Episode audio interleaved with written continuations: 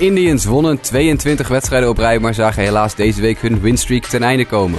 En ja, 22 op rij. Wij doen gewoon 28 op rij, want we zijn weer terug met Sport Amerika's Just a Bit Outside, de enige Nederlandstalige MLB-podcast.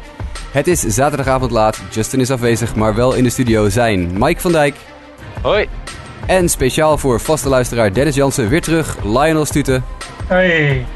Mijn naam is Jasper Roos en we hebben deze week een volle show gepland. De Indian streak is dan wel voorbij, maar het is wel een onderwerp van gesprek.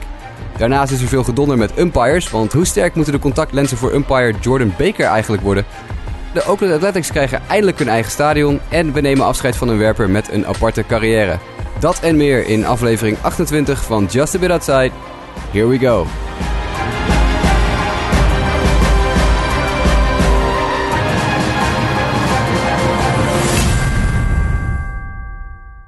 En dan beginnen we zoals altijd met het moment van de week. Mike, jouw moment of momenten van deze week waren? Ik heb er twee. Uh, en de eerste is ja, de winning streak van de Cleveland Indians is uh, tot een eind gekomen. Ik denk dat uh, iedereen dat wel heeft meegekregen en dat dat eigenlijk ook wel het moment van deze week is. Maar daar gaan we het zo meteen uitgebreider over hebben.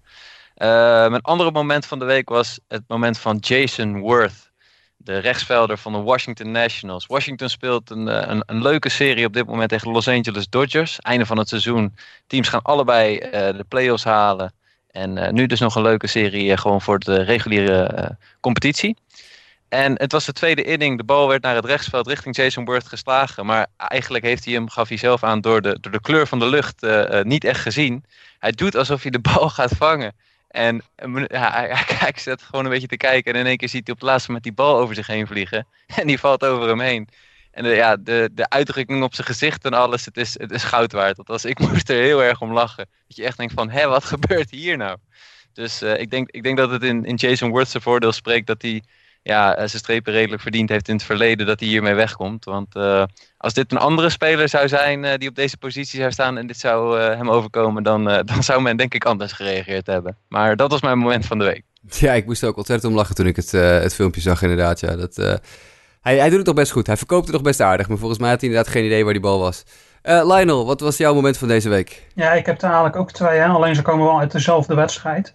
Um, dan heb ik het over uh, Blue Jays tegen de Twins van donderdagavond 14 september. Als je kijkt naar de Twins, aan het begin van het seizoen zei ik van nou, ik verwacht er wel wat meer van. En in het begin van het seizoen maakten ze dat ook wel een beetje waar. Maar langzaam maar zeker worden de Twins gewoon weer de Twins. Hè. Het, wordt, uh, het wordt allemaal steeds minder. Er wordt op een gegeven moment in die wedstrijd een bal geslagen. Die valt op een plek waar op twee vierkante meter drie Twins staan. En hij valt precies tussenin, precies in het midden. En iedereen staat elkaar aan te kijken van ja, wat hadden we hier nou eigenlijk aan moeten doen. Maar ja, als er dan één man tussen zit die wel een stap vooruit heeft gemaakt, dan is het uh, Byron Buxton wel. Hij is nog niet zo goed geworden als dat ik dacht dat hij dit seizoen zou worden. Maar als je dan ziet hoe hij in, uh, in de tiende inning toch nog die, die walk of home run slaat, waardoor ze toch nog die wedstrijd over de streep trekken, dan denk ik van ja, is toch wel positief. En de laatste week is hij heel goed bezig. Ik, ik, ik ben wel positief over deze jongen. Ja, hij doet best aardig. Mike, je had een, een statje over Byron Buxton. Wat was een, zijn slaggemiddeld sinds de All-Star Week? 3 ja, 3,21. Als je het uh, ziet, uh, Byron Buxton voor en na de All-Star dan zie je zeker dat hij uh, turn the corner, zoals ze dat dan zeggen. slagmiddel van 3,21, 10 home runs, 10 gestolen honken, als ik me niet vergis. Dus ja, dat zijn allemaal, allemaal wel mooie cijfers. Ja, hij stond, op het lijstje ook volgens mij van, van Jim Callis van MLB Pipeline, van... Voormalig top prospects die volgend jaar definitief zich gaan vestigen in de Major League. En Byron Buxton was daar ook weer bij, omdat hij toch een beetje doorgebroken is. Alleen stond hij dit jaar ook wel op veel van dat soort lijstjes. Hè? Dat klopt, is eigenlijk wel klopt. een beetje wat ik bedoel met... Hij is niet zo goed geworden als dat misschien in ieder geval ik dacht dat hij ging worden. Ik had dat eigenlijk voor dit jaar al verwacht. Maar neem niet weg dat hij een stuk beter is dan dat hij, dan dat hij was. Dus ik, er zit uh, wel wat in. Ik verwacht uh, grote dingen van Byron Buxton volgend jaar. Uh, een andere speler die op die lijst van Jim Callis stond van spelers die volgend jaar, uh, top prospects die voor, volgend jaar door gaan breken, uh, is Johan Moncada. En dan sluit dat mooi aan op mijn moment van de week. Want mijn moment van de week is ja, de 17-7 overwinning van de Chicago White Sox tegen de Detroit Tigers. Waarin de White Sox maar liefst 25 hits sloegen. dat is de, het meeste aantal hits sinds 1981 geloof ik voor de White Sox in één wedstrijd. En Johan Moncada ging in die wedstrijd 5 uit 5. Avi Garcia ging 5 uit 5. en ja, Het was, het was een feestje om naar te kijken, die wedstrijd. Uh, mensen die vaker naar deze podcast luisteren weten dat ik uh, een dingetje heb met de Tigers. Dus iedere keer dat mijn team 17-7 kan ja, overheen walsen over de Tigers, heb ik een leuke dag in elk geval. Maar vooral is het goed te zien om Johan Moncada als een soort doorbraakje nu eindelijk op de kaart te hebben staan. Dan komen we zo meteen nog even terug op Johan Moncada. Maar eerst de stats van de week. Want de New York Yankees noteerden, die, die stelden eigenlijk deze week hun hun winstpercentage van 500 eh, of hoger voor dit seizoen veilig. Dat betekent dat ze niet meer onder 500 kunnen eindigen. En ik zag op internet, jongens, dat dit 25 jaar op rij is dat de Yankees met een winstpercentage van 500 of hoger eindigen in het seizoen. Dat is toch wel even een dingetje, zeg, uh, als je dit naar die, ja, naar die geschiedenis van het team kijkt. Ja, nou ja, ik kijk ook best wel enige tijd al uh, honkbal. En de Yankees waren altijd daar. En uit deze stat blijkt het ook wel dat dat dus ook gewoon niet alleen maar perceptie was. Dat dat ook gewoon echt het geval is geweest. De Yankees zijn gewoon altijd daar geweest. Maar de Yankees zijn natuurlijk ook eigenlijk op de laatste twee, drie jaar na altijd het, het, het grootste team als je kijkt naar het budget en dergelijke geweest. Dus ja, je mag toch ook wel verwachten dat ze tenminste de helft van de wedstrijden per jaar kunnen winnen. Maar neem niet weg dat het wel een enorme prestatie is natuurlijk. Ja, nee, uh, team consistency wat dat betreft. Uh, altijd eigenlijk goede line-ups en teams gehad. En, zeker in de jaren dat het minder was, dan dacht je altijd van, nou, misschien dan dit jaar dan voor het eerst het, het de verkeerde kant opvalt. Maar toch, op de een of andere manier uh, lukt het ze steeds. Ik heb, ik heb echt respect wat dat betreft wel voor de Yankees. Ja, dat hebben ze goed gedaan. tweede stat van de week is Aaron Judge gerelateerd. En nu is een keer niet wat betreft strikeouts. Want hoewel Aaron Judge natuurlijk aan alle kanten ja, zijn strikeout problemen zijn uitgebreid gedocumenteerd, ook in deze podcast uh, liet hij deze week uh, een ander record op de, in, de, in de boeken schrijven, uh, Mike. Ja, dat klopt. Aaron Judge heeft 27 runs tegen de Baltimore Orioles gescoord. En dat is het meeste van een speler tegen één team sinds 1961. Dus Judge schrijft het een na het andere record. positief en negatief dit seizoen. Ja, en ik denk dat we toch van Aaron Judge nog wel grote dingen kunnen verwachten in, in de toekomst. Um, er waren ook wat, wat problemen nog met zijn strikeout. Want hij schijnt ook een, een franchise strikeout record uh, te hebben gezet. Maar dat kunnen we niet meer terugvinden. Uh, hoe of wat. Of wie die in ieder geval uit de boeken getikt heeft. Dus we laten dat even varen voor het is. Het lijkt mij wel voor de hand liggend dat hij een franchise strikeout record heeft gehad, toch? Want hij heeft er behoorlijk wat tegengekregen dit seizoen. Ja. Maar uh, los daarvan uh, denk ik dat we toch maar Aaron Judge een record geven. 27 runs tegen de O's, het meeste tegen één team sinds 1961. Sinds het begin van de expansion era, dus het begin van de moderne Major League. Uh, de derde stat van de week, dan komen we even terug bij de man die ik net al even noemde, Johan Moncada. Want die kwam van de week maar liefst in één wedstrijd, dat was dus die wedstrijd tegen de Detroit Tigers, zes keer op het honk.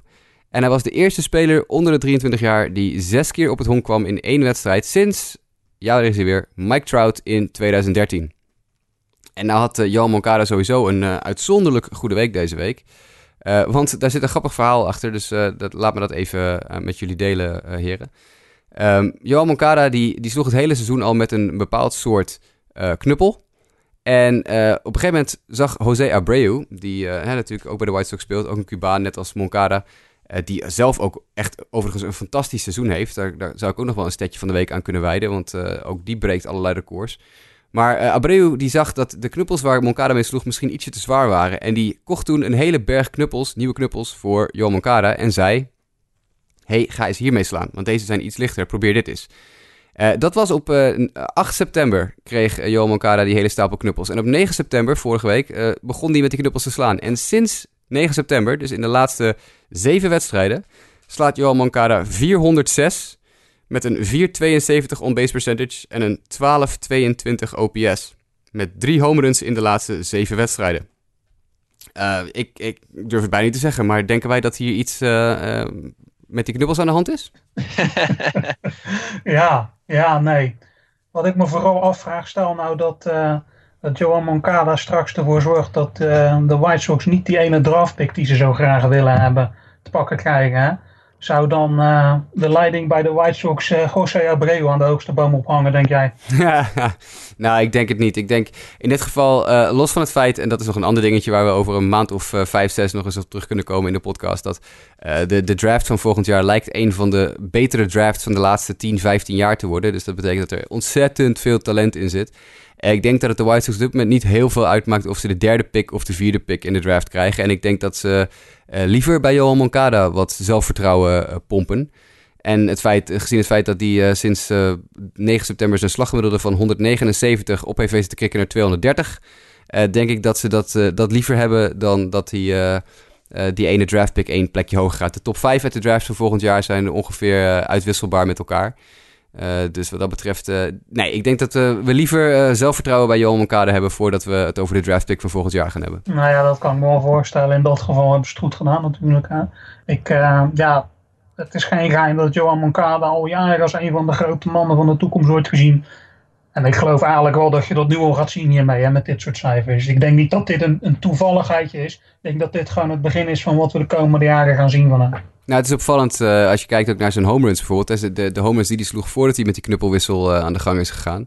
Uh, die waren allemaal opposite field. dat waren er sinds hij bij de White Sox begonnen is. Dat is tussen 19 juli, toen werd hij opgeroepen. En 8 september sloeg hij er drie. En die waren allemaal opposite field. dat, dan hebben we het over 33 wedstrijden. Sloeg hij drie home runs. En nu heeft hij dus drie home runs in zeven wedstrijden. Met lichte knuppels. En waar die andere drie allemaal opposite field waren, zijn deze drie allemaal gepoeld. Oftewel, hij komt gewoon sneller bij die fastballs. Hij komt, zijn knuppel gaat gewoon sneller door die zone. En het is gewoon puur omdat ze wat lichter zijn. Dus ik denk dat hier serieus wel iets, uh, ja, dat hier iets aan de hand kan zijn. Het is uh, fijn voor de minor league pitchers die hem voorheen uh, tegen hem op moeten nemen, dat hij hier nu pas achter komt. Maar ik vind het ook wel veel zeggen over Jose Abreu. Althans, ik ben wel fan van, van de beste man. maar ja, dat hij hier oog voor heeft en, en, en zijn teamgenoot, zijn Cubaanse, zijn landgenoot, zo helpt. Dat, dat zegt ook veel over Jose Abreu, wat mij betreft. Ik zeg een baantje aanbieden als de volgende hitting coach van de White Sox. Lijkt me prima. Over een jaar of 5, 6, 7 als hij met pensioen is. Lijkt me een uitstekende deal. Uh, en met dat laatste statje van de week gaan we naar de nieuws en notes. MLB News en Notes. En dan beginnen we natuurlijk deze week met, ja, dat kan niet anders, de Indians winning streak. Er is meerdere keren op de website over geschreven. Maar uh, ja, uh, eh, 22 wins op rijen, jongens. ik denk petje af hè, voor Cleveland. Ja, ik had inderdaad ook uh, bijgehouden en gelezen uh, de diverse artikelen inderdaad ook op sportamerika.nl. het, was, het was super mooi om te zien. mensen met veel referenties aan, aan de Oakland Athletics in de Moneyball tijd. En iedere keer dacht je van, oeh, gaan ze het halen, gaan ze het halen? En, en het lukte ze gewoon. Uh, afgelopen woensdag, toen keek menig uh, sportsupporter naar, naar een, voetbalwedstrijd. Maar ik zat gewoon ook de Indians te kijken. Dit, was, uh, dit wilde je zien en je wilde erbij zijn. En dat zag je ook aan de toeschouwersaantallen op de tribunes. Iedereen was, was, leefde mee met Cleveland als het ware. En ik moet zeggen dat de wedstrijd donderdagavond echt het, het spannendst was. De wedstrijd tegen Kansas City, waarbij ze in de, in de tiende inning pas wonnen. Dan valt ook echt even net alles goed. Maar dat, dat is ook het team dat er volledig voor gaat. En helaas, afgelopen nacht uh, ja, kwam, het, uh, kwam de streak ten einde. 22 wedstrijden. Is toch, uh, het is toch echt uniek. Dit, dit, ga je in ieder geval als Cleveland Indian supporter niet nog een keer meemaken, denk ik. Dat je nog een keer 22 wedstrijden op rij gaat winnen. Ik weet niet of dat wel zo is. Ik weet niet of, of je dat op die manier kan zien. Ik denk dat het best mogelijk is om nog eens een keer zo'n streak neer te zetten. Niet direct een seizoen, maar hoe, hoe weten we hoe de teams er over vijf jaar uitzien? Je, weet, je weet toch nooit waar dit begint of waar dit eindigt.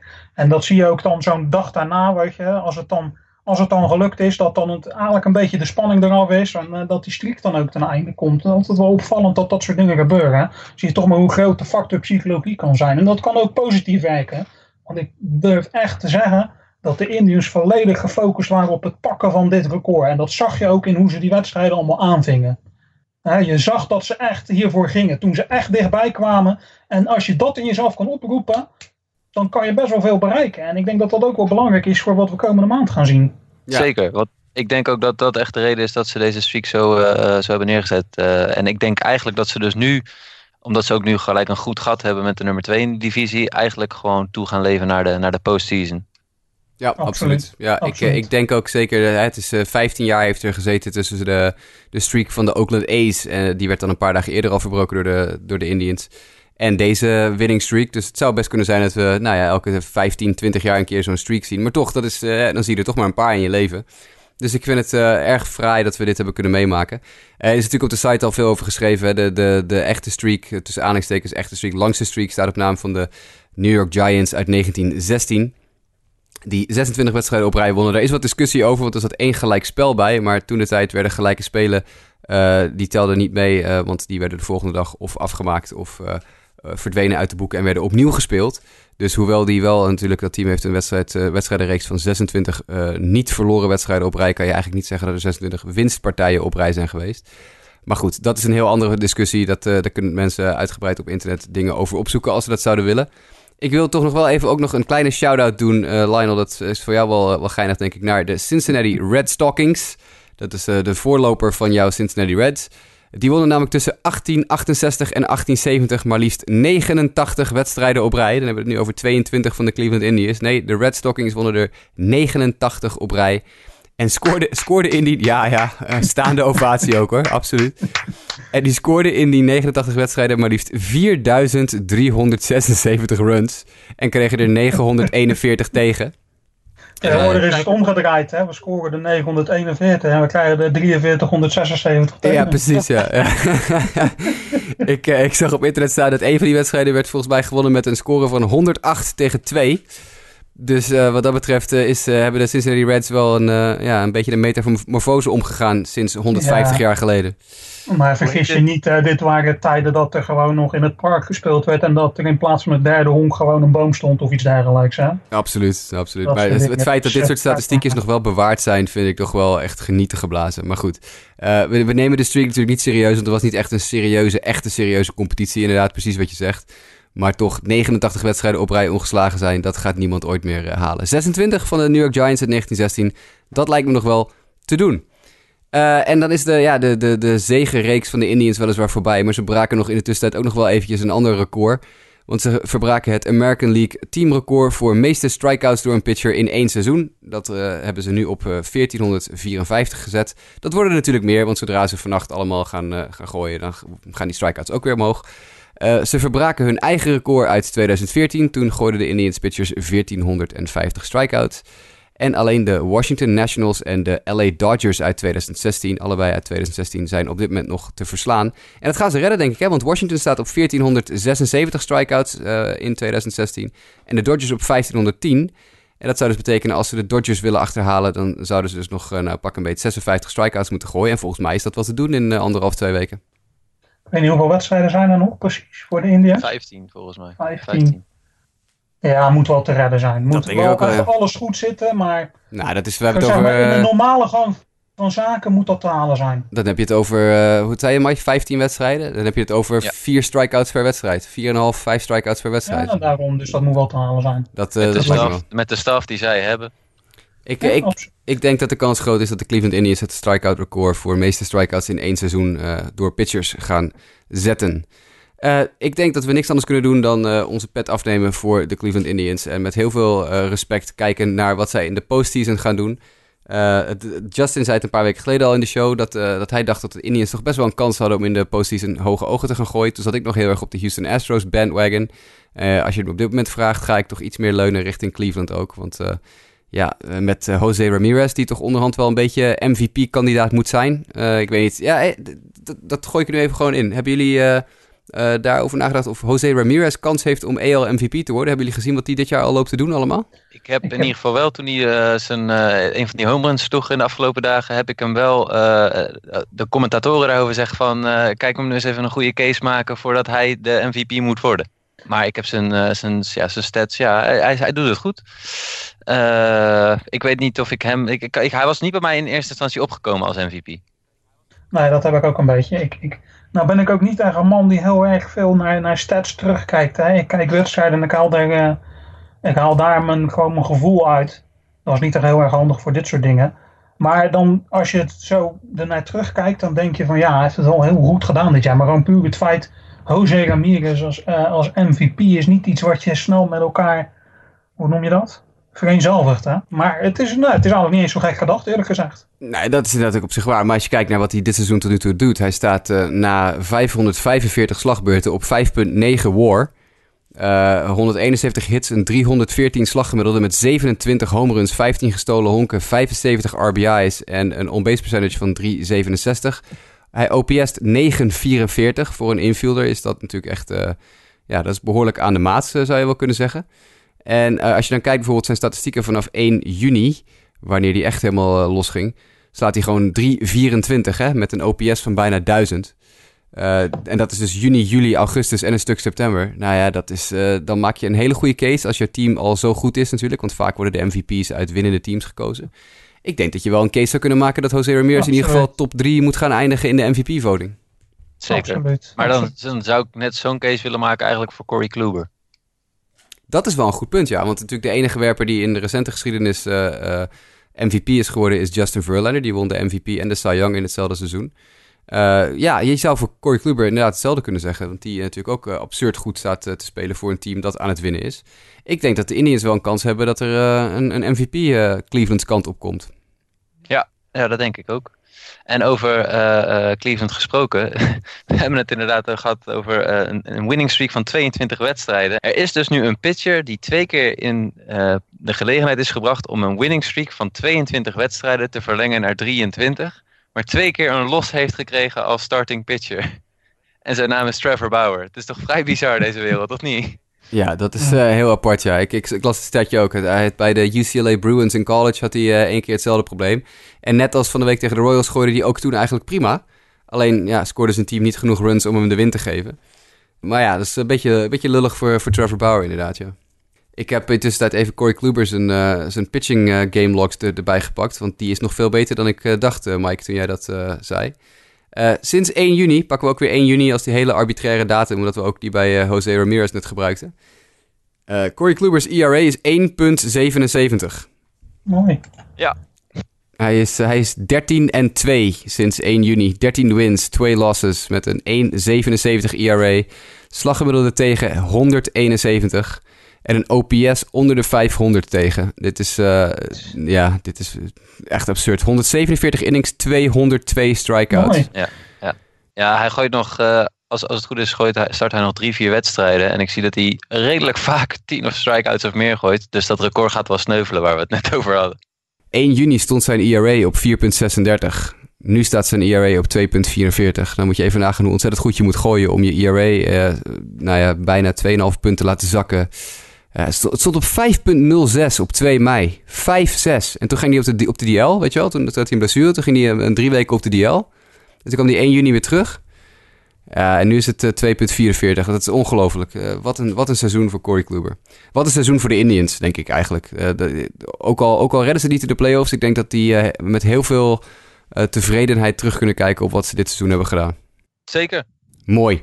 Wie weet gaat ze dat ook iets opleveren in de strijd om de volgende superster. Want ja, als een team het natuurlijk goed doet, dan gaan spelers wel eens geïnteresseerd zijn in het bij je komen spelen. En eh, er is groot nieuws, Lionel. Want eh, een van de grootste internationale sterren komt waarschijnlijk dit offseason naar Amerika. Ja, de kans is aanwezig. Hè? Het, lijkt in ieder geval wel op. En nou ja, het kan er natuurlijk maar één zijn. Het gaat dan over Shohei Otani. Hè? Het, eh, de, geruchten worden wel heel veel luider dat hij gaat komen. Hè? Dan zitten er nog wel heel veel haken en ogen aan. Ehm, maar, maar dat neemt niet weg dat, dat, dat het erop lijkt dat we deze man eh, in de MLB gaan zien volgend jaar. Eh, natuurlijk eh, de man van de toekomst. Hè? Een jongen die echt kan pitchen als Clayton Kershaw en kan slaan als, nou ja, noem er eens een. En ik ben benieuwd, ik ben benieuwd. Maar ehm, misschien dat jullie me daar een beetje bij kunnen helpen. De regels zijn natuurlijk veranderd voor het, het aantrekken van internationale sterren. hè? En daar Mhm. zitten nog wel wat haken en ogen aan. Eh, de, ja ten eerste moet natuurlijk, eh, heb je te maken met, gaat hij afgelopen, gaat hij komende winter inderdaad overstappen, dan valt hij onder de nieuwe CBA-regeling dat inderdaad zijn, eh, zijn signing bonus vrij gelimiteerd zou worden. Het meeste dat Shohei Otani in, aan tekenbonus zou kunnen ontvangen aan het eind van dit seizoen is eh 3,5 miljoen dollar van de Texas Rangers of 3,25 miljoen van de Yankees. Dat zijn de twee teams die de, de meeste bonus nog over hebben, de meeste bonusruimte nog over hebben. Nou, dat is natuurlijk heel iets anders dan wanneer je tekent voor, eh, nou, eh, tussen de, laten we zeggen, 75 en 150 miljoen, misschien wel meer. Eh, want hij is nog vrij jong natuurlijk. Dus hij, hij wil, 23. ja, precies. Hij wil, hij wil dusdanig graag naar Amerika komen dat hij bereid is om echt bijna 150 miljoen dollar aan tekengeld in te leveren. Want hij kan dus voor ja, niet meer dan 3,5 miljoen, en dat zou dan alleen van Texas kunnen komen, kan hij tekenen. Ehm, mocht Otani eh, beschikbaar gemaakt worden onder het postingsysteem tussen eh, MLB en Nippon Professional Baseball in Japan, dan eh, moeten, moeten teams gaan bieden. En het maximum dat teams dan kunnen bieden is 20 miljoen dollar. En als die 20 miljoen geaccepteerd wordt, dan, ja, dan krijg je natuurlijk die, die strijd die we ook met Daisuke Matsuzaka hebben gezien, die we met eh eh, Hugh Darvish hebben gezien. Dan, dan wordt het een kwestie van contracten aanbieden. Maar het lijkt er inderdaad op dat eh, dit seizoen, uh, na dit seizoen, de overstap gaat maken. En dan dus ja, een minimaal bedrag gaat ontvangen aan tekengeld. Als je kijkt naar hè, Louis Robber, die we eerder dit seizoen al uitgebreid bespraken, die dik 25 miljoen dollar krijgt. Otani is toch iets gevestigdere naam dan, dan Robber. En die gaat dus maar maximaal 3,5 miljoen krijgen. Dat is nogal een verschil, denk ik. Ja, maar dit is wel waar Otani ook wel een beetje onbekend staat. Hè? Dit is echt een jongen die gewoon van honkbal houdt, om het zo maar te zeggen. Zo simpel is het gewoon. Zijn vader heeft hem wel eens gevraagd, wil je honkballen voor je geld verdienen? En daar moet je je keuze op baseren. En uh, ja, het lijkt er dus op dat hij graag op het hoogste niveau wil spelen en daar zomaar uh, zoveel miljoen voor opzij wil zetten. Dat is op zich natuurlijk wel een te prijzen mentaliteit als je kijkt naar hoe de sportwereld tegenwoordig in elkaar zit. Het, het, het, hoogste contract is vaak belangrijker dan de beste prestatie tegenwoordig. Of dat nou in het, honkbal of de NFL of zelfs het voetbal tegenwoordig. Het wielrennen, overal zie je dit terug. Ik, ik vind dit eigenlijk wel te prijzen van zo'n jongen. En vooral ook omdat het op het veld zo'n ster is. Hè? Dat, ja, ik, nou, ik ben hier wel positief over. Nou, het opvallende is natuurlijk, waarschijnlijk gaat hij, als hij tekent voor zo weinig tekenbonus, dan wordt dat natuurlijk of een kort contract, dat hij snel weer free agent wordt en dan gewoon ongelimiteerd kan binnenharken. Of het wordt zo'n contract met een opt-out clause erin. Dat hij na één of twee of drie jaar kan zeggen van... oké, ik kan nu ervoor kiezen of ik ga door met, met mijn contract... en ik krijg zoveel geld. Of ik opt-out, zoals CC Sabathia bij de Yankees heeft gedaan een paar jaar geleden. En ik, uh, ik word een free agent. Alex Rodriguez had ook een opt-out in zijn contract. Er zijn veel meer spelers die dat ingebouwd hebben in hun constructie. Ik denk persoonlijk, als, als hij slim is, dan zegt hij... oké, ik teken voor vier, misschien vijf jaar bij jouw team... Met opties voor eh, nog drie, vier jaar. Maar ik wil een opt-out. Of uh, ik teken voor zeven jaar, maar ik wil een opt-out na vier jaar. Dat is eigenlijk een, een, win-win situatie voor hem. Hè? Want gaat het goed na vier jaar, kan hij eruit stappen en kan hij nog veel meer geld in free agency vangen. En gaat het niet goed, dan heeft hij nog gegarandeerd drie jaar of vier jaar, of hoe lang het contract ook doorloopt, extra geld. Dus ik denk heel erg dat dat het geval is. Dat hij gewoon heel erg gaat gokken op het feit dat hij succesvol gaat worden. En dat hij, omdat hij nog vrij jong is, wat je ook al aangeeft, vrij snel free agent kan worden. En als zodanig dus meteen ja, het grote geld binnen kan gaan harken. Wel grappig dat je zegt, ik denk dat hij gaat gokken op het feit dat hij succesvol gaat worden. Neem van mij aan dat Shohei Otani niet gokt op het feit dat hij succesvol gaat worden. Dat er in zijn hoofd geprent staat, ik word een ster in Amerika. Daar ben ik echt van overtuigd dat hij zo denkt. En dat hij ook daar zijn keuze op baseert. En wat je zegt zou daarin natuurlijk een hele goede, een goede mogelijkheid kunnen zijn. Hè? Want het geeft hem wel veel meer mogelijkheden om ja, een team uit te zoeken wat bij hem past. Ja, nou en ik twijfel ook absoluut niet aan, aan Shohei Otani's kwaliteiten. Maar je hebt, loopt natuurlijk altijd het risico. Ik bedoel, je hoeft maar één misstap te maken op het honk en je scheurt je kniebanden af. En uh, het is een heel ander verhaal ineens, weet je. uh, dus op het moment dat je natuurlijk met opt-out clauses te maken krijgt die heel hip zijn in Major League. En natuurlijk contracten die in Major League Baseball gegarandeerd zijn. In tegenstelling tot de NFL, waar contracten nooit eigenlijk voor volledige waarde gegarandeerd worden. Dat is altijd maar een x-bedrag van het contract dat je zeker weten krijgt. En raak je geblesseerd, ja, dan verscheurt het, team je contract en krijg je de rest van het geld ook niet. Uh, dat is in de MLB natuurlijk niet zo. Uh, wat je, wat je, waar je voor tekent, dat krijg je. Of je nou drie jaar op de blessurelijst staat of niet, dat, dat krijg je gewoon. Uh, en met opt-out clauses, als je fit blijft, kan je natuurlijk ervoor zorgen dat je nog veel meer binnen kan halen naarmate je carrière vordert. Wat ik dan wel grappig vind, persoonlijk. Kijk, het heeft natuurlijk te maken met het aantal jaren dat hij, contractjaren dat hij nu in Japan heeft gehad, hè, deze, deze hele situatie. En dat dan Rob Manfred, de grote baas van de MLB, zegt van ja, nou ja, je voor een grote sterke Shohei Otani, ja, het hoeft niet zo'n probleem te zijn om daar nog twee jaar op te wachten. Wat hij dan dus aan contractjaren nog nodig heeft om wel grote, grote fees uh, binnen dan denk ik van jongen, je hebt net in december heb je zo'n nieuwe CBA uitonderhandeld waarin dit allemaal uh, op deze manier is dichtgetimmerd. En dan ga je zelf ga je in interviews ga je verkondigen van ja, maar Otani mag nog wel twee jaar wachten, want dan geven we hem wel de dikke bonussen. Prima dat je dat wilt doen, maar dan had je die, uh, die bargaining agreement niet zo op hoeven stellen. Nee, dat is absoluut waar. ik vond het een heel opvallend interview met, met Rob Manfred van de week. Er zijn een paar hele interessante dingen wat dat betreft. Artikel op, ik geloof Sportsnet Canada.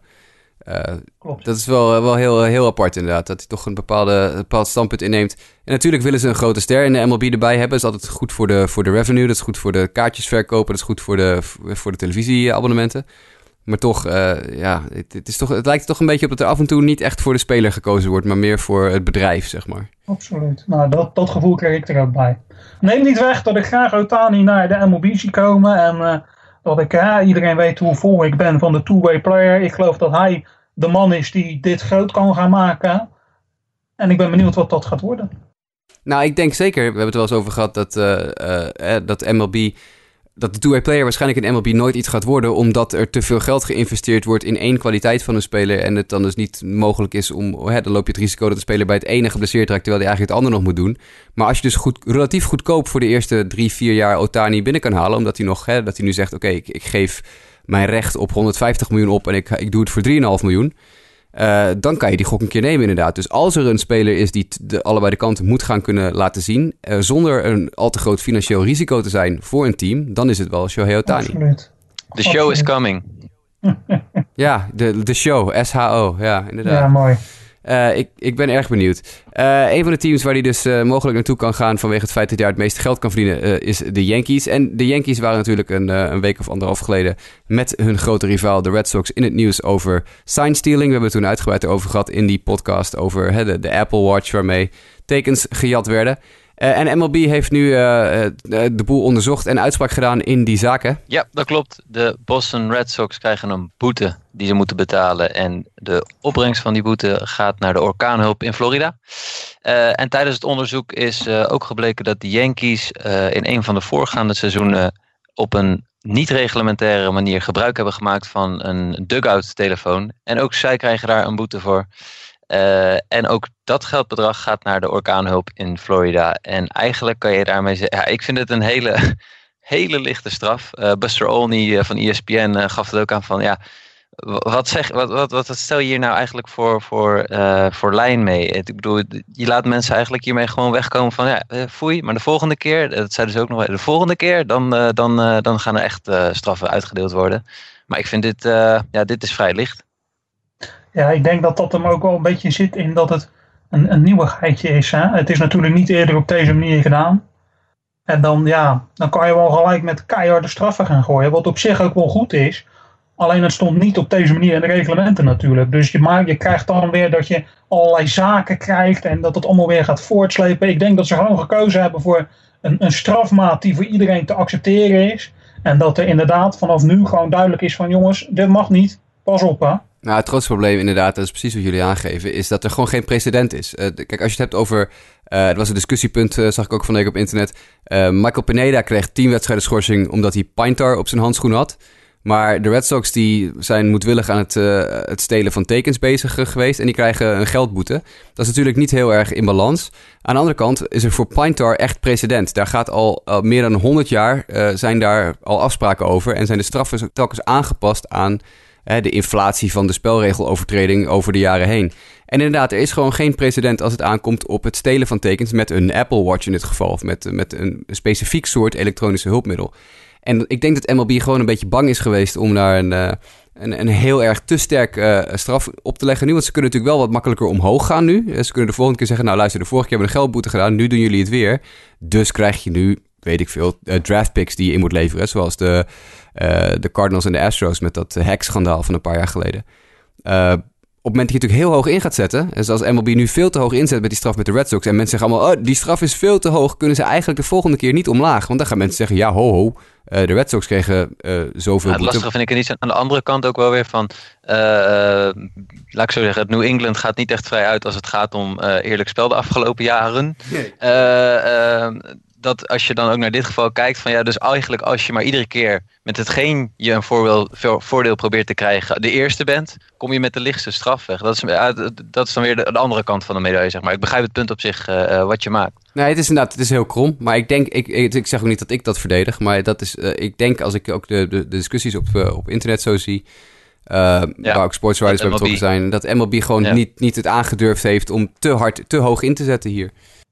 Nou ja, dat, dat, ik denk inderdaad dat het op die manier dan, uh, dan gegaan is. Ja. Dit is gewoon een straf. Uh, je kan een straf geven en het is niet zo hoog dat er allerlei gedoe omheen komt inderdaad. En vanaf hier kan je gaan bouwen. Weet je? Want ja, de volgende keer dat iemand iets vergelijkbaars doet, kan je inderdaad zeggen: ja, luister eens even, we hebben dit vorige keer gezegd. Jij wil niet luisteren, nou gaan we het eens even wat harder aanpakken. Kijk, als jij als kind uh, een koekje steelt, weet je, de eerste keer dan moet je ook uh, in de hoek gaan staan. Maar de keer daarna moet je zonder eten naar bed, om het zo maar te zeggen. Snap je wat ik bedoel? En ik denk dat dit moet je gewoon ja. op die manier zien. Ja. Nee, ik, eh, ik ben het heel tussendoor, uh, want ik zag voor, voor onze aflevering uh, dat we gingen opnemen nog een, een, filmpje van onze landgenoot Didi Gregorius. Uh, wie gaat de American League East winnen, volgens jullie? Ik, Didi had er zin in om eerste te worden. laat Ja, maar zo zou ook geen goede prof zijn als hij dat niet, eh, niet altijd heeft natuurlijk. En, en die weten we, is een uitstekende prof. Dus die, eh, die, die heeft die honger om, eh, om te winnen natuurlijk altijd. Maar ze hebben ook een goede kans. Ik denk dat er nog wel een kansje bestaat, ja. Ik, eh, ja als ik heel eerlijk ben, denk ik dat nog steeds Boston uiteindelijk eh, in de hele breedte te, te sterk is en te weinig op rookies leunt eh, dan de Yankees. En de Yankees hebben natuurlijk eh, eh, jonge gasten als Gary Sanchez, Aaron Judge. Eh, ik, ik denk toch dat de, de Boston Red Sox iets dieper zijn en uiteindelijk toch de boel eh, uit het vuur weten te slepen. Maar het is een spannende race, absoluut. ja, nee, ik hou het ook op Boston. Oké, ja, ik- ja. Ja, ze, ze moeten volgend weekend tegen, of eh, over twee weken moeten ze ook nog, eh, nee, volgend weekend moeten ze tegen de Reds, de Red Sox. Dat zit in hun voordeel. eh. Allemaal rondom je laptop kruipen, hè, eh, MLB TV aan en Red Sox tegen Reds kijken, hè, zou ik zeggen. The Reds just became relevant. Mooi. Nou ja, er is één, één, één reden dat de Red Sox het misschien niet zouden kunnen halen. En dat, dat is als ze eh, nog meer van dat soort wedstrijden speelden, zoals gisteren tegen de Tampa Bay Rays. Die wedstrijd duurde 6 uur en 4 minuten. Eh, dan hebben we het over pace of play weer, hè, voor de zoveelste keer dit jaar. 6 uur en 4 minuten honkbal, eh, Red Sox Race. En ja, die pitchklok gaat er nu misschien toch maar komen hè, in 2018. Ja, dat klopt. Uh, afgelopen week was er ook weer een uh, artikel van Ken Rosenthal uh, van The Atlantic. die, die schreef over dat, dat Rob Manfred in begin augustus een bijeenkomst had gehad met de Players Association en ook wat spelers van de Marlins en de, en de Nationals. En dat hij daar met een goed gevoel is weggegaan over dat de pitchklok on its way is. en dat dat zo snel zou kunnen gebeuren als volgend seizoen. dus dat zou eigenlijk al, al vrij rap zijn en vrij, vrij snel. Uh, er zitten nog wel heel veel haken en ogen aan het verhaal. Want er wordt heel veel gediscussieerd over vanaf welk moment gaat die pitchklok dan wer uh, werken. Uh, geldt die ook als er spelers op de honken staan? vanuit die kant zijn er gewoon nog heel veel vragen. ik weet niet of jullie ervaring hebben met het zien van wedstrijden met een pitchklok. Ik niet heel veel. Nee, ik ook niet heel veel. Ja, in de minor leagues. Af en toe kijken een minor league wedstrijdje. En daar is natuurlijk al een tijdje in experimentele vorm bezig. Het enige wat je wel merkt, uh, spelers die dus in de minor league zitten, die gewend zijn aan die, aan die pitchklok, die komen ook naar de majors en gooien veel sneller. En dat, dat, zie ik dan bijvoorbeeld eh, toevallig up close and personal bij de White Sox, om die even als, als voorbeeld te nemen. Waar natuurlijk de laatste paar weken Carson Fulmer, Lucas Giolito en Ronaldo Lopez vanuit de minor leagues omhoog gehaald zijn. Die eigenlijk al flink wat jaren met die pitchklok te maken hebben gehad in de minor leagues. Die jongens die werken heel snel. Er zit heel weinig tijd tussen hun pitches. Het is gewoon hup, staan, uh, teken ontvangen en gooien. Want die zijn natuurlijk al een beetje gewend aan dat meer up-tempo tempo. Uh, ik denk persoonlijk niet dat het een heel groot verschil maakt als je het hebt over wedstrijden van 4, 5, 6 uur. Uh, dat heb je met de NFL natuurlijk ook gezien. Ja, dan schrap je een keer een reclameblokje. Maar heel veel maakt dat in het totale uh, plaatje van die wedstrijd niet uit, die totale duur. Dus ik betwijfel of de pitchklok daadwerkelijk uh, concreet heel veel um, echte tijdwinst gaat opleveren. Ik denk dat het vooral is voor de perceptie van de fans die zitten te kijken. Dat er wat minder dood dode tijd is tijdens echt spel. Dat is natuurlijk een beetje het punt. Je hebt altijd die inningenwissel. Dat is natuurlijk een soort van doodmoment. Maar voor fans is het gevoel dat er tussen de pitches door heel veel tijd verstrijkt. Uh, het ergste, de ergste ergernis op het gebied van deze wedstrijd is traag. Dus als dat sneller gaat, dan ik denk dat het meer een perceptiedingetje is dan een concreet uh, tijdsverschil. Absoluut. Ja, ja, en het zal denk ik uiteindelijk ook heel erg uitkomen, aankomen op, uh, op hoe die regel uh, uh, ja, uiteindelijk wordt ingestoken en wordt uitgevoerd. Ik heb begrepen van mensen die recentelijk ook bij, de minor league, bij een minor league wedstrijd waren, dat de klok stopt met tellen op het moment dat de pitcher zijn, de bal pakt in zijn handschoen. Nou ja, Hideo Nomo, we kennen hem misschien allemaal nog wel, die stond gewoon rustig een half minuut met die bal boven zijn hoofd in zijn handschoen voordat hij die pitch ging gooien. Dus dan wordt de wedstrijd nog steeds niet heel erg sneller. Maar ja, even afwachten, denk ik, uh, hoe, dit, uh, hoe dit verder vorm gaat krijgen. Ja, ja met, een, met een pitchklok alleen ben je er natuurlijk inderdaad. Nee. Dat is wat, wat Jasper al zegt.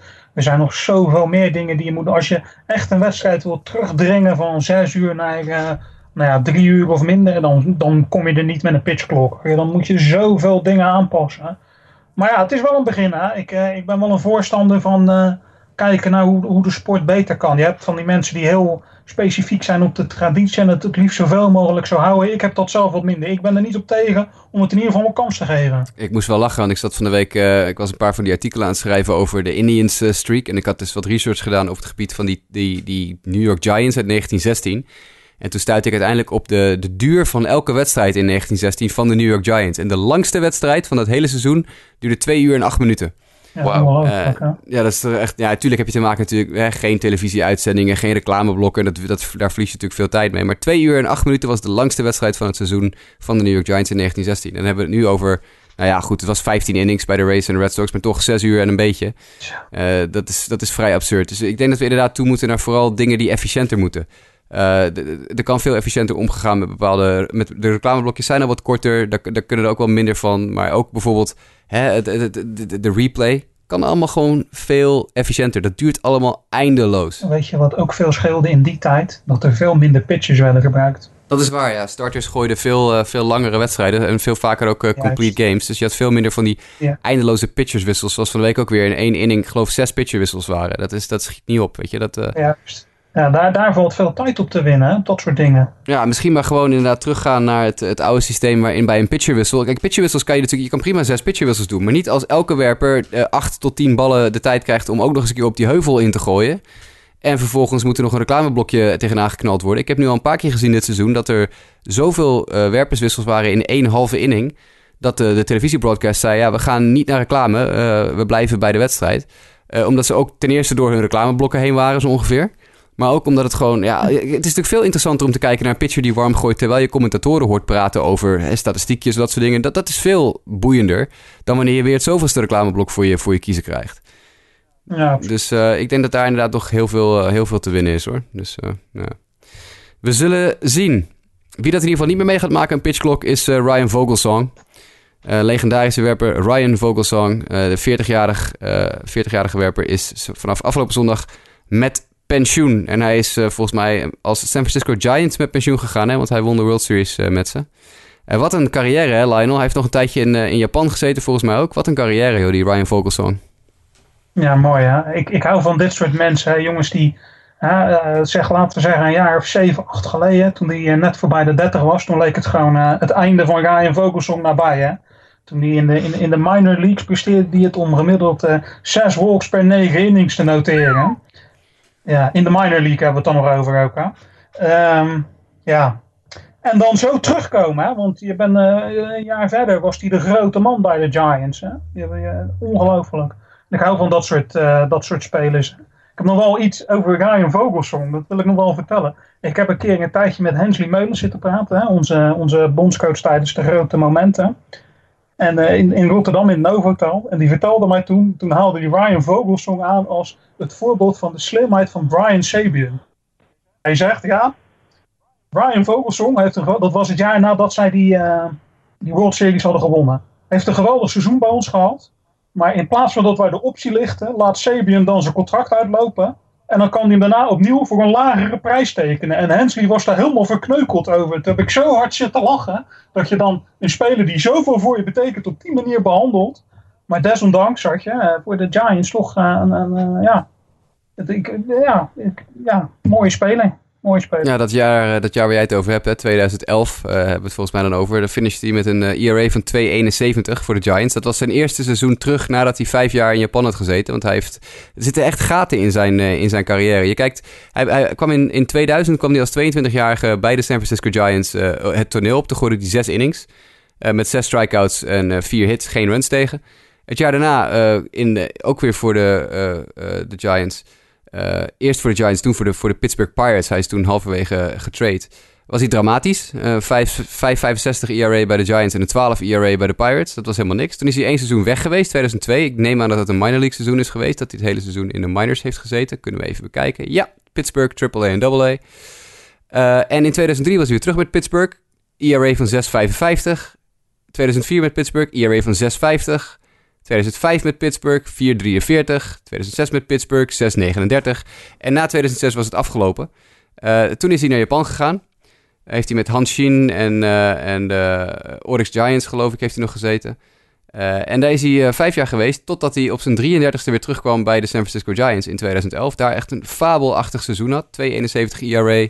eh, met, even kijken, 139 strikeouts en 179 innings. Finishte 11e in de Cy Young Award. Eh, was een All-Star dat jaar, notabene, in Amerika. En eigenlijk vanaf 2012 wordt het steeds weer minder. Hè? Het is 2012 337 voor de Giants. 2013 573 voor de Giants. 2014 4 IRA voor, voor de Giants. 2015 467. En in 2016 met Pittsburgh 481. Hij, hij speelde bij de AAA Minnesota Twins geloof ik dit jaar. dat was ook niet heel veel. Uh, dus uh, het, uh, hij heeft, ja, het, is, het is afgelopen nu voor, voor een goede vriend Ryan Vogelsong. Maar het is een heel opvallende carrière met heel veel gaten en sprongen. En, en zichzelf opnieuw uitvinden in Japan. En terugkomen met weer een andere gooibeweging. En, Ik denk een aardig ja. verhaal om in een biografie te vatten. Ik denk dat deze man wel wat te vertellen heeft. Ja, hij spreekt ook vloeiend Japans, heb ik me laten vertellen inmiddels. Dus een, een, een heel erg ja, fascinerende, fascinerende jongen, denk ik. Nou, mooi joh. Ik, ik hou van dit soort, ik zei het net dat ik hou van dit soort types, van dit soort verhalen. Uh, ik heb het, uh, onlangs heb ik nog mijn liefde voor, uh, hoe heet onze man van de Dodgers, Rich Hill, heb ik nog verklaard. ik, ik hou van dit soort jongens die een beetje een apart verloop van hun carrière hebben. Bewijst ook maar weer dat je niet van iedereen kan verwachten dat ze het, de MLB instormen en vanaf het eerste moment 50 home runs jaar in jaar uitslaan. En of een ERA van tussen de 1 en de 2 jaar in jaar uit blijven gooien. Weet je. Dus voor sommige mensen loopt het gewoon anders. En dan kan je ook na je dertigste kan je gewoon nog een grote ster worden. Dat is toch mooi? Ja, nee, dat vind ik ook. Uh, en in het, in het verlengde daarvan gun ik Ryan Vogelsong ook een heel prettig pensioen. Ik, ik zie hem nog wel opduiken als coach ergens, denk je niet? Ja, ja, ja dat, zou, dat zou heel goed kunnen. Ik denk dat hij dat ook al in zich heeft. Ik denk het ook wel. Ja, ik, ik, ik zie hem wel een pitching coach worden, ja, als ik, uh, als ik heel eerlijk ben ergens. Misschien in de minors of zo, en dat hij dan zich langzaam op gaat werken. Uh, de Giants zijn natuurlijk heel loyaal aan hem geweest. Hebben hem gedraft, hebben hem lang in de organisatie gehad, hebben hem teruggehaald, twee keer zelfs. En hij is nu ook met pensioen gegaan als een Giant. Dus ik zie het nog wel gebeuren dat hij volgend jaar bijvoorbeeld bij, weet ik veel, Single A of zo, als pitching coach begint en zich langzaam omhoog gaat werken om uiteindelijk Dave Rigetti op te volgen in San Francisco. Uh, een andere werper die zich uh, ja, zelf al eigenlijk niet een paar keer opnieuw uitgevonden heeft, maar wel weer een soort renaissance beleefde dit jaar op zijn 31ste, is Gio Gonzalez van de Washington Nationals. Giovanni Gonzalez heeft afgelopen week zijn vesting option inzien gaan. hij blijft dus nog een jaar langer onder contract bij de Nationals. Dat was een, volgens mij een innings situatie. Nou, hij is het aantal innings binnengebleven, dus zijn, zijn vestingjaar is ingegaan. En hij blijft dus nog een jaar langer bij de Nationals voor 12 miljoen dollar. Maar hij heeft wel echt een fantastisch jaar, hè, dit jaar. Ja, absoluut. Het was inderdaad een, een inningsverhaal trouwens. 180 innings ging het om. Dat was het, ja. Ja, um, ja het zat er wel een beetje aan te komen natuurlijk dat dit ging gebeuren. Hè? Het, uh, het is gewoon, uh, kijk, als jij goed speelt, dan hoeft zo'n zo'n zo'n zo'n grens van 180 innings hoeft natuurlijk ook geen probleem te zijn. En vorig jaar uh, had hij een vergelijkbare optie. Vorig jaar was natuurlijk een dramatisch jaar. Had hij een vergelijkbare optie die ging in. En uh, nu opnieuw, hè. Het, dat levert hem in ieder geval nog een jaartje met 12 miljoen uh, dollar extra op. Ja. En niet meer dan terecht. Als hij het nog, nog zo'n jaar zou kunnen neerzetten, kunnen de Nationals daar nog heel veel plezier aan hebben natuurlijk. Nou ja, hij heeft natuurlijk sinds 2013 geen 180 innings meer gegooid. Toen gooide hij de 195 en sindsdien was het 158, 175 en 177. Nu is hij weer de 180 over en ja, toont hij ook niet dat hij denk ik de 200 niet gaat halen. Ik denk dat er een kans is dat hij die 200 nog wel gaat halen. Uh, met een ERA van 2,68 dit jaar. Uh, dat is toch wel uh, dat je denkt van nou, dat, waar komt dat nou ineens vandaan? Na jaren van 4,57, 3,80, 3,60.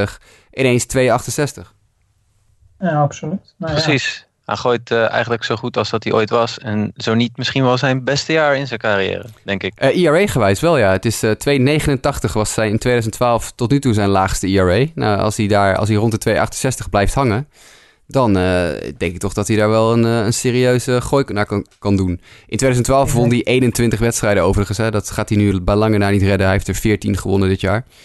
Uh, maar toch, uh, ik denk dat dit wel weer een, een renaissancejaartje is voor, voor Gio. 2012 was inderdaad wat mij betreft zijn topjaar. En ik, ik vind dit er heel dicht tegenaan zitten, wat ik wat tot nu toe dit jaar gezien heb. Is, is hij in jullie ogen de man achter Max Scherzer? Game 2? op dit moment wel ja, hoe goed hij dit jaar geweest ja. is. En hij is natuurlijk een lefty, dus dat komt mooi uit. Hè? Dan heb je een mooie righty-lefty achter elkaar. Dat, is, uh, dat vinden teams ook altijd wel prettig... om die, die line-up een beetje uh, te, kunnen, te kunnen husselen de volgende dag. Ik denk dat hij op dit moment... Uh, dat je niets anders kan zeggen dan dat hij de nummer twee is, ja.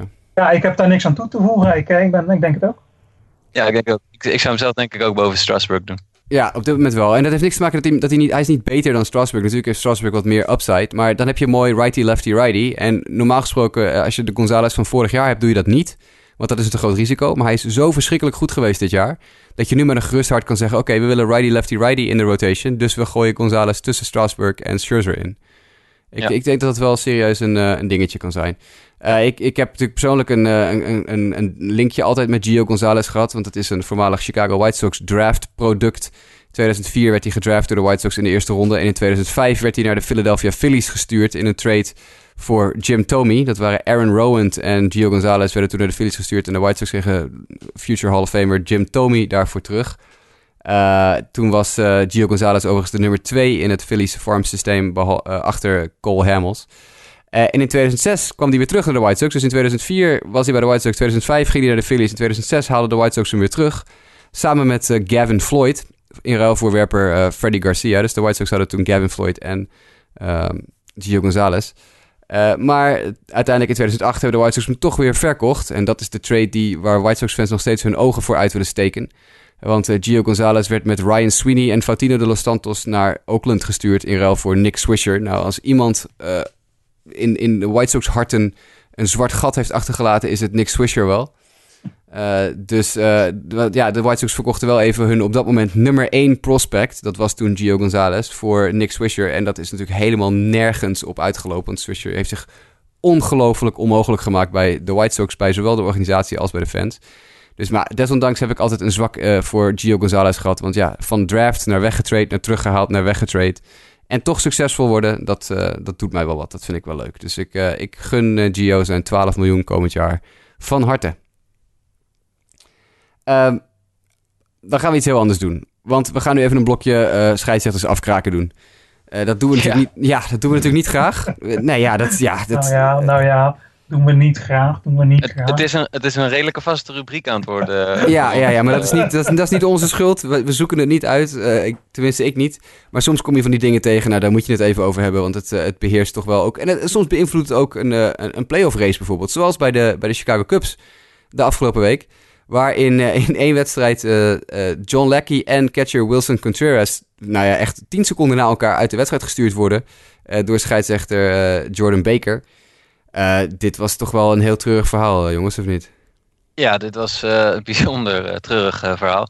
Ik schakelde gisteren over naar de wedstrijd, want hij was, hij was op tv van de Cardinals tegen de Cubs. En ik zie in één keer dat er een hit was geweest en dat er in één keer twee mensen, eh, Cont- eh, Contreras, de catcher, en John Lackey allebei eruit worden gestuurd. Dus ik denk, hé, wat is hier aan de hand? Nou, dat duurde even voordat ik eh, beeld kreeg eh, van wat er was gebeurd. Maar er was in ieder geval een honkslag geslagen waarop punten binnen waren gekomen. En daar was dus een pitch aan vooraf gegaan van John Lackey. Ehm, op game day was te zien eh, of dit een slag of een wijd was. Maar als je hier een wijd voor gaf, dan weet ik niet wat wel een slag was. Nee, hij was echt bijna recht door het midden. Hè? Je, je kan op Brooks Baseball en op MLB.com Game Day inderdaad al die, die grafiekjes, hè, die strike zones, laten ze zien precies waar die bal is. Hij was vrijwel recht door het midden. Ja, je hebt dan dat ze tegenwoordig hè, de, de, de strike zone opdelen in negen vakjes. En hij zat in het middelste vakje. Dus dat zegt wel heel veel over of dit een slag een wijd was. Maar eh, ja, de, de betreffende umpire, Jordan Baker, eh, ja, die had daar een wijd voor gegeven. En eh, John Lackey in een emotionele uitbarsting eh, bij die hit liep direct richting de scheids en zei er iets van. Ja, dat was einde verhaal John Lackey. Contreras gooide zijn helm op de grond. En, en die stuiterde to- toen tegen de scheidsrechter aan. Ook hij was daarmee het haasje. En er staat nogal wat druk op de Cubs natuurlijk. Zeker in wedstrijden tegen de Cardinals. Dat ze echt afstand willen nemen in hun divisie.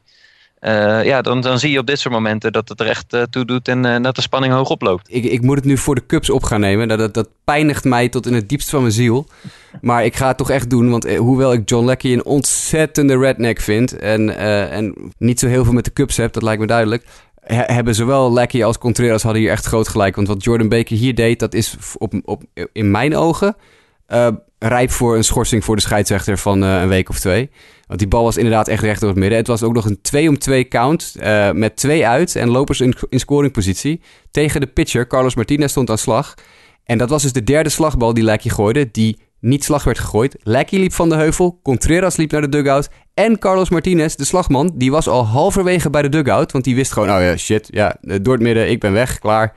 Eh, iedereen was onderweg naar zijn dugout. Behalve Jordan Baker, want die zei, nee hoor, dat was gewoon een wijd. Nou, hij was echt recht door het midden. Dus ik gun, dit, eh, ik, ik gun de uitbarsting eh, John Leckie en Wilson Contreras van harte. Want dit was volkomen terecht. En ik, ik kan MLB eigenlijk niet meer serieus nemen als Jordan Baker deze week wedstrijden called. Want dit was echt Of, Of- in de of- playoffs. of Of, nog- in de playoffs. Althans, ik denk niet dat we hem dat in de denk ik playoffs ook niet, dat gaan, denk ik ook gaan- niet. Maar ja, ik denk dat deze jongen moet gewoon even twee weken even, even een vakantietje nemen. Want dit was echt schandalig. Het is ook een scheidsrechter die al een keer eerder in opspraak is geweest. Een paar jaar geleden stond hij in het outfield eh, volgens mij een wedstrijd te callen tijdens de playoffs of zo. En toen liep hij de hele tijd met kauwgom te gooien. Hij gooide elke inning een nieuw stuk kauwgom het outfield in. En een van de fans zei daar toen een keer wat van. Van, hé, nou eens op met al dat, eh, al dat afval het outfield ingooien. En toen stak hij zijn middelvinger op naar de fans.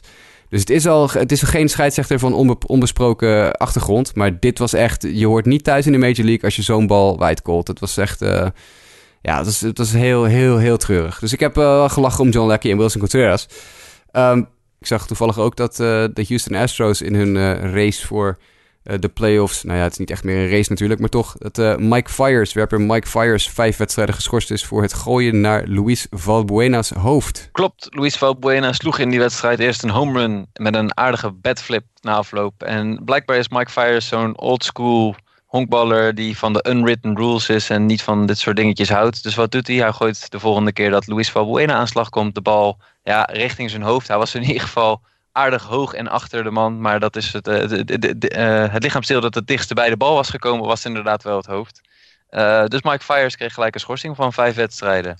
Ja, die schorsing heeft hij geaccepteerd overigens. Hij heeft geen beroep aangetekend, dus hij moet één wedstrijd uitzitten. Eén start moet hij uitzitten. Vijf, schorsing, vijf wedstrijden schorsing voor een startende werper is natuurlijk maar één start. Eh, dus dat, dat toont ook wel aan dat hij zelf ook wel door dat het misschien niet eh, de allerhandigste move ooit is geweest. Nee, dat is het meestal. Als jij zo makkelijk er doorheen stapt van, eh, nou ja, ik accepteer die schorsing, dan weet je ook wel dat je fout zat. Ja, Ja, ik denk het ook. Ja, En gegeven de stand en hoe het allemaal voor staat, heeft hij vooral zichzelf hiermee. Ja. ja precies. De Astros gaan hier, eh, gaan hier denk ik geen traantje om laten. eh, als hij voor de playoffs maar weer terug is. Ehm, dus die laten we even voor wat het is. We hebben nog, eh, nog twee nieuwtjes in het nieuws- en notesblok. Namelijk het nieuwe stadion van de Oakland Athletics. Er is eindelijk een plek gekozen voor de, het nieuwe stadion van de, van de Athletics. Maar het, het, allerinteressantste waar we even over kunnen hebben... is misschien nog wel dat de president van de A's nu gezegd heeft... dat het nieuwe stadion ervoor gaat zorgen dat de A's kunnen gaan spenderen... als een normale, gezonde, slash rijke organisatie. Dus eh, jongens, wat we nu zo gaan krijgen is eh, Billy Bean... met al Billy Beans zijn, eh, ja, zijn ongelofelijke skills op het, eh, op het eh, teambouwgebied... maar dan met geld. Moeten wij ons serieus zorgen gaan maken over hoe goed de Oakland Athletics kunnen worden... als ze geld hebben? Ja, ik weet het niet. Kijk, wat natuurlijk wel een beetje het, punt van het hele Moneyball-idee was, was natuurlijk eh, de pareltjes vinden waar je met lege zakken naartoe kon grijpen. Dus of, of, of, of dan de organisatie van een, een, een Billy Bean met geld helemaal gevaarlijk wordt, durf ik niet zomaar te zeggen. Ik weet niet of dat op dezelfde manier werkt. Maar kijk, het is natuurlijk wel gewoon positief dat, dat er gewoon weer een team bij komt wat geen zorgenkindje meer is. Hè? En dit is in, in vele opzichten positief, want dan krijgen we ook eindelijk eens een keer wat meer duidelijkheid over de kant die de MLB op gaat. Want dat is natuurlijk, eh, mede door de, de A's en eh, ook de Tampa Bay Rays in Florida natuurlijk, is dat natuurlijk een, een, een heikel punt geweest van twee teams die zwakker zijn dan de rest. Houden de rest van de league een beetje tegen in zijn ontwikkeling. En als er nu eindelijk eens een, een eh, oplossing komt in deze situatie, als dat nu echt er gaat komen en het is echt duidelijk waar dat gaat staan, dan is dat gewoon een stap vooruit voor iedereen. Voor, voor de, de divisie waar ze in zitten, voor de league waar ze in zitten, voor de MLB als geheel. Voor iedereen is dit gewoon een goede zaak. Nou, dat denk ik ook. En ook omdat de Oakland Ath- Athletics natuurlijk een eh, vrij historische organisatie zijn. Weliswaar niet in Oakland, maar als de Athletics bestaan ze al als een van de oudste organisaties in de MLB. Dit is wel een team dat je inderdaad gezond wil hebben en, en het liefst ook zo competitief mogelijk. Absoluut. Nou, Ja. En op deze manier kan je dat alleen maar gewoon meer garanderen. Dus in dat opzicht is het absoluut goed dat dit nu eindelijk eens een keer ergens naartoe lijkt te gaan. Want hoe lang speelt dit nu al? Met dit stadion al Al jaren. 10, 20 jaar? Ja, echt heel lang. En ik vind het in die zin eigenlijk ook nog wel opvallend dat, ja, dat zal dan de president eh, van de A's bewust zo gezegd hebben. Maar ik zou juist denken van, eindelijk krijgen we een nieuw stadion. Nu kunnen we de fans een fatsoenlijke eh, fan experience bij een, eh, een honkbalwedstrijd geven. En we allemaal gezellig zorgen dat het stadion ook leuk gevuld gaat worden. Maar nee, hij zegt uh, we gaan nu nog meer geld uitgeven en uh, uh, we gaan het gezellig hebben. Ja, ik, althans, ik, ik zou meer vanuit het fanperspectief redeneren. De Oakland A's hebben, A's hebben al zo lang een nieuw stadion nodig. Uh, en het, ik, ik vind op zich qua toeschouwersaantallen en qua spel op het veld laat het echt de wensen over. Dus als het stadion daarbij helpt, eh, ik hoop het van harte. Met het weggaan Aan van... de andere kant eh, denk ik dat die fans ook wel zoiets hebben van werkelijk elk stadion is beter dan die betonnen bak waar ze nu in moeten zitten. Dus Ja. eh, wat dat betreft zouden ze misschien wel het liefst een competitief team zien. Want het is, ze kijken al jaren naar dit team, eh, maar dan eh, in die lelijke badkuip. Dus nou ja, goed. Nou, badkuip is wel een goed woord. Hè? Ik heb wel eens gehoord dat als het een beetje hoog water is, dat dan de kleedkamers onder staan daar. Klopt, Ja, ja. En als het Ja. flink hard regent, dan gaan de dugouts lopen ook binnen de kortste keren vol. Het is echt, het, het is het oude Oakland Race, eh, Raiders stadion. Hè? Het is de, de Ja. Raiders en de A's deelden dat stadion, de American voetbal en de honkbalploeg. Eh ik ben al lang blij dat nu eh, eh, de Raiders hun eigen plekje hebben eh, en ergens anders een plekje hebben. Maar nu, eh, ja, het is tijd dat dit, eh, dat dit gewoon opge, opgedoekt wordt, denk ik. Tijd, tijd voor een mooi nieuw honkbalstadion. Want ze kunnen schitter- schitterende stadions bouwen tegenwoordig. Dus waarom niet eentje in het, Oakland? dat is het verhaal. Absoluut. Absoluut, dat ben ik absoluut met je eens. Ja. Dat, eh, ik denk dat dit heel goed is voor, voor West Coast honkbal. Eh, en dan hebben we nog één vraag die we ons eigenlijk af wilden, eh, eh, eigenlijk wilden stellen. Want wij, wij ja, we kwamen er eigenlijk achter van hè, de, de no-hitters. Vorig jaar hadden we Jake Arrieta. Dit seizoen hebben we Edison Volquez. Maar in 2015 hadden we zeven no-hitters. In 2014 hadden we acht no-hitters. In 2013 hadden we er drie. Wat is met de no-hitters gebeurd, jongens, dit jaar? Ja, goede vraag. Ik kan me die van dit seizoen nog heel goed herinneren, want het was tegen de Arizona Diamondbacks. Maar ik, eh, ik vind het heel opvallend. We hebben echt eh, jaren gehad dat je de een eh, na de andere had, of in ieder geval een aantal. En, en dit seizoen laat dat in ieder geval nog, eh, nog wat te wensen over. Misschien stel ik me dan wel wat verwend op als, als honkbalfan. Maar ik, het, ik vind het gewoon opvallend dat iemand als Volkes de enige is die dit seizoen in staat is gebleken om een, om een no-hitter te gooien. Ja, ik, ik sta me nog wel, zit ik me nu net ineens te bedenken. Bij, er is toch een paar weken geleden iemand geweest bij wie de no-hitter in de tiende inning werd gebroken. Of heb ik dat nou? Rich, ja, Rich, Rich. Hill, ja. Juist. Ja, nee, dat weet ik nog wel. Dus het hadden er ook twee kunnen. Als je naar per negen innings kijkt, zijn het er twee geweest. Ja. Ja, dat neemt niet weg dat die van Rich Hill daadwerkelijk gebroken werd, dus geen no-hitter was. Eh, maar wat ik wel denk als ik dit zo hoor, dan denk ik van kijk, we hebben het natuurlijk dit seizoen heel veel gehad over, eh, over de, de, de piek in het aantal home runs en dergelijke. En als aan de ene kant natuurlijk het toeneemt, dan moet dat aan de andere kant ook een beetje afnemen. En daardoor heb je misschien wel minder no-hitters eh, dit jaar en verleden jaar ook al.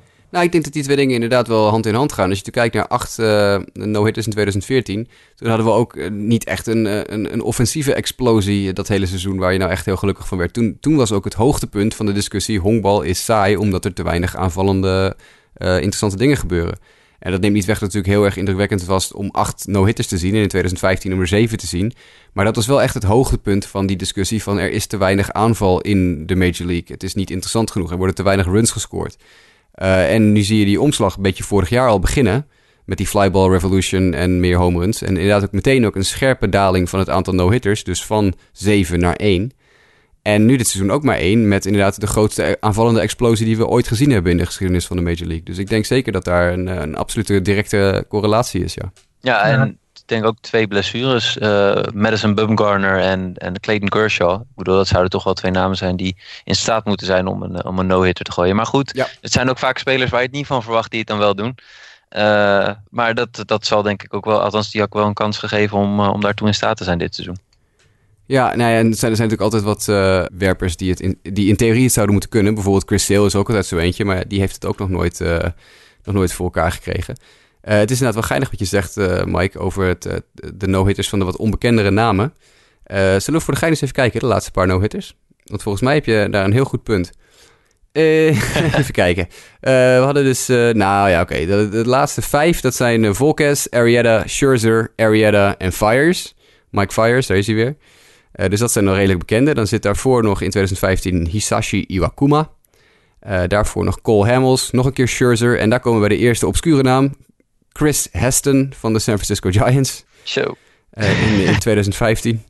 Uh, ja, ik ga net zo lang door tot we bij uh, de allerobscuurste naam van allemaal zijn gekomen. Maar goed, daarvoor voor Chris Heston zit nog Jordan Zimmerman. Dan zijn we inmiddels in 2014.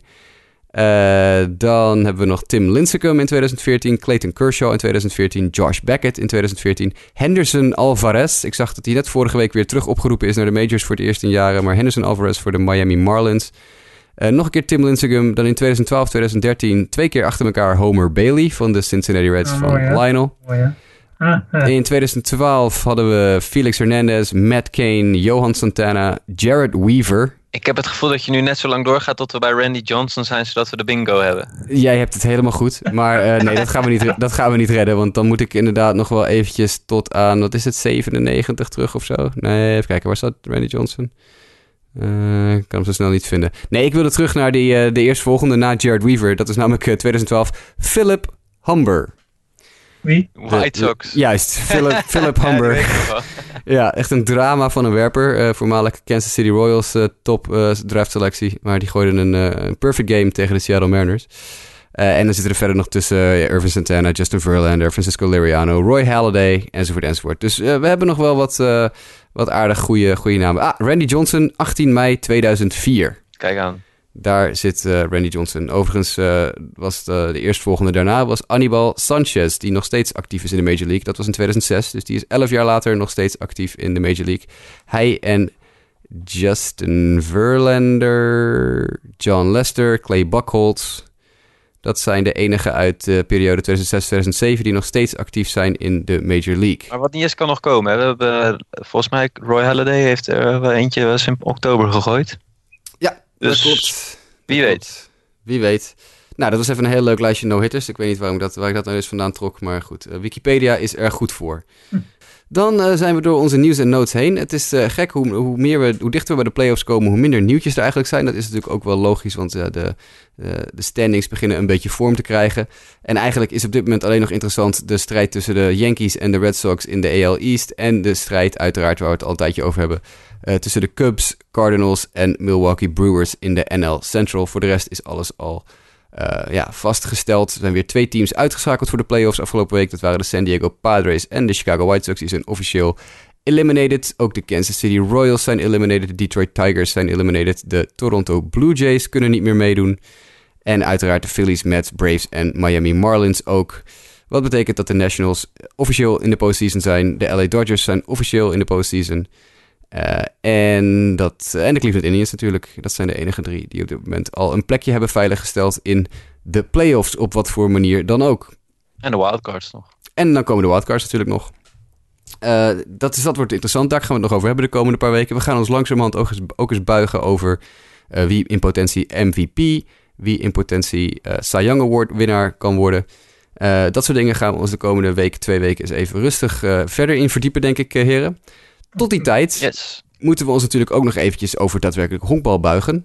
Dus Mike, waar kijk jij deze week naar uit? Naar de feestjes van de clinches. In ieder geval, er wordt de komende week een hoop geclinched. Dus eh, daar kijk ik vooral naar uit. Ja, ik eh, denk ook dat er een paar aan zitten te komen. Wie wordt de eerste, denk je? Eh, Astros, misschien vanavond volgens mij al. Ja, dat denk ik ook. Ik denk dat die wel de grootste kans hebben, ja. Eh, Lionel, waar ga jij de komende week eh, naar kijken? Ik ga me eens even lekker op mijn eigen team storten. De, de Reds krijgen de Cards op bezoek. Altijd leuk. Ik ga kijken. Dinsdag, woensdag, donderdag. Ik zit erbij. Lekker, lekker. Altijd eh, toch wel een beetje spektakel, hè? Die, het, voor Reds fans altijd blijft dat een eh, grote, grote serie. Absoluut, absoluut. Dat vind ik mooi.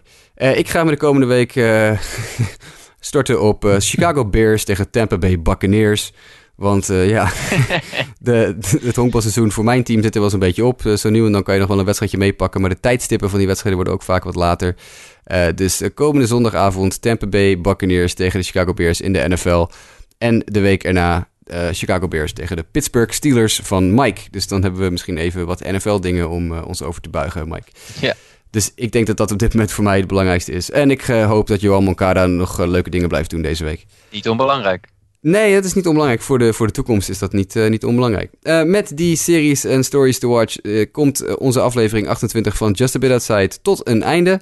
Eh, Lionel en Mike, ontzettend bedankt dat jullie met mij deze eh nou, buitengewoon eh, met hindernissen opgenomen aflevering van Just a Bit podcast eh, hebben weten te voltooien zonder verdere problemen. Ik wou zeggen, de mensen horen dat niet. Maar ik kan iedereen garanderen dat we hier een uur of vier over gedaan hebben.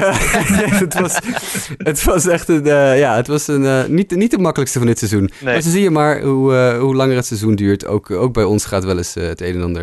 We hadden niet de vorm van de Indians te pakken, laten we het zo zeggen. nee, nee, nee. Ik zat op te scheppen over die streak in de, in de inleiding van deze podcast. Maar eh, het is maar goed dat, eh, dat we kunnen knippen en plakken in dit verhaal. Want eh, anders was onze streak zeker voorbij geweest. Eh, dat gezegd hebbende, eh, erg fijn dat jullie er waren. Ik wens jullie verder een heel prettig weekend. Lionel, jij veel plezier vannacht met, is het Canelo tegen Triple G? Yes. Ik, uh, ik wens je daar heel veel... Het moment van dit jaar, hè? Het grote moment van dit jaar. Ja, ja dat wordt nog wel een dingetje. Ik, ik hoop dat je morgen uit kan slapen. Mike, ook jij een prettige zondag. Dank je. En uh, wij spreken elkaar volgende week weer in de hoop dat ook Justin dan weer een momentje kan vinden uh, voor uh, een showtje hier of daar. Korte dienstmededeling. Er zijn wat podcastluisteraars die ons bericht hebben gestuurd. Omdat ik een paar weken geleden een beetje teasde dat wij een nieuwe, dat wij een nieuwe website aan het bouwen waren. En dat we een beetje aan het klooien waren met een nieuwe website. Dat is toen een beetje hals over kop fout gegaan. We wilden eigenlijk al die week online gaan, maar er moest van alles en nog wat gebeuren. Maar het lijkt er nu toch steeds meer aan te komen. Dus blijf alsjeblieft sportamerika.nl heel goed in de gaten houden. Want er kan wel eens heel wat moois te gebeuren staan in de komende week. Je kan ons natuurlijk ook volgen via Twitter op @sportamerika, facebook.com slash sportamerika. Justin is op Twitter @jwkev, Mike @mdijk90. Ik ben Jasper Roos. Um, maar volg ons en, en, volg ook zeker de website, want uh, er staan mooie dingen te gebeuren voor de komende paar dagen. Voor nu in ieder geval hartstikke bedankt voor het luisteren en tot volgende week.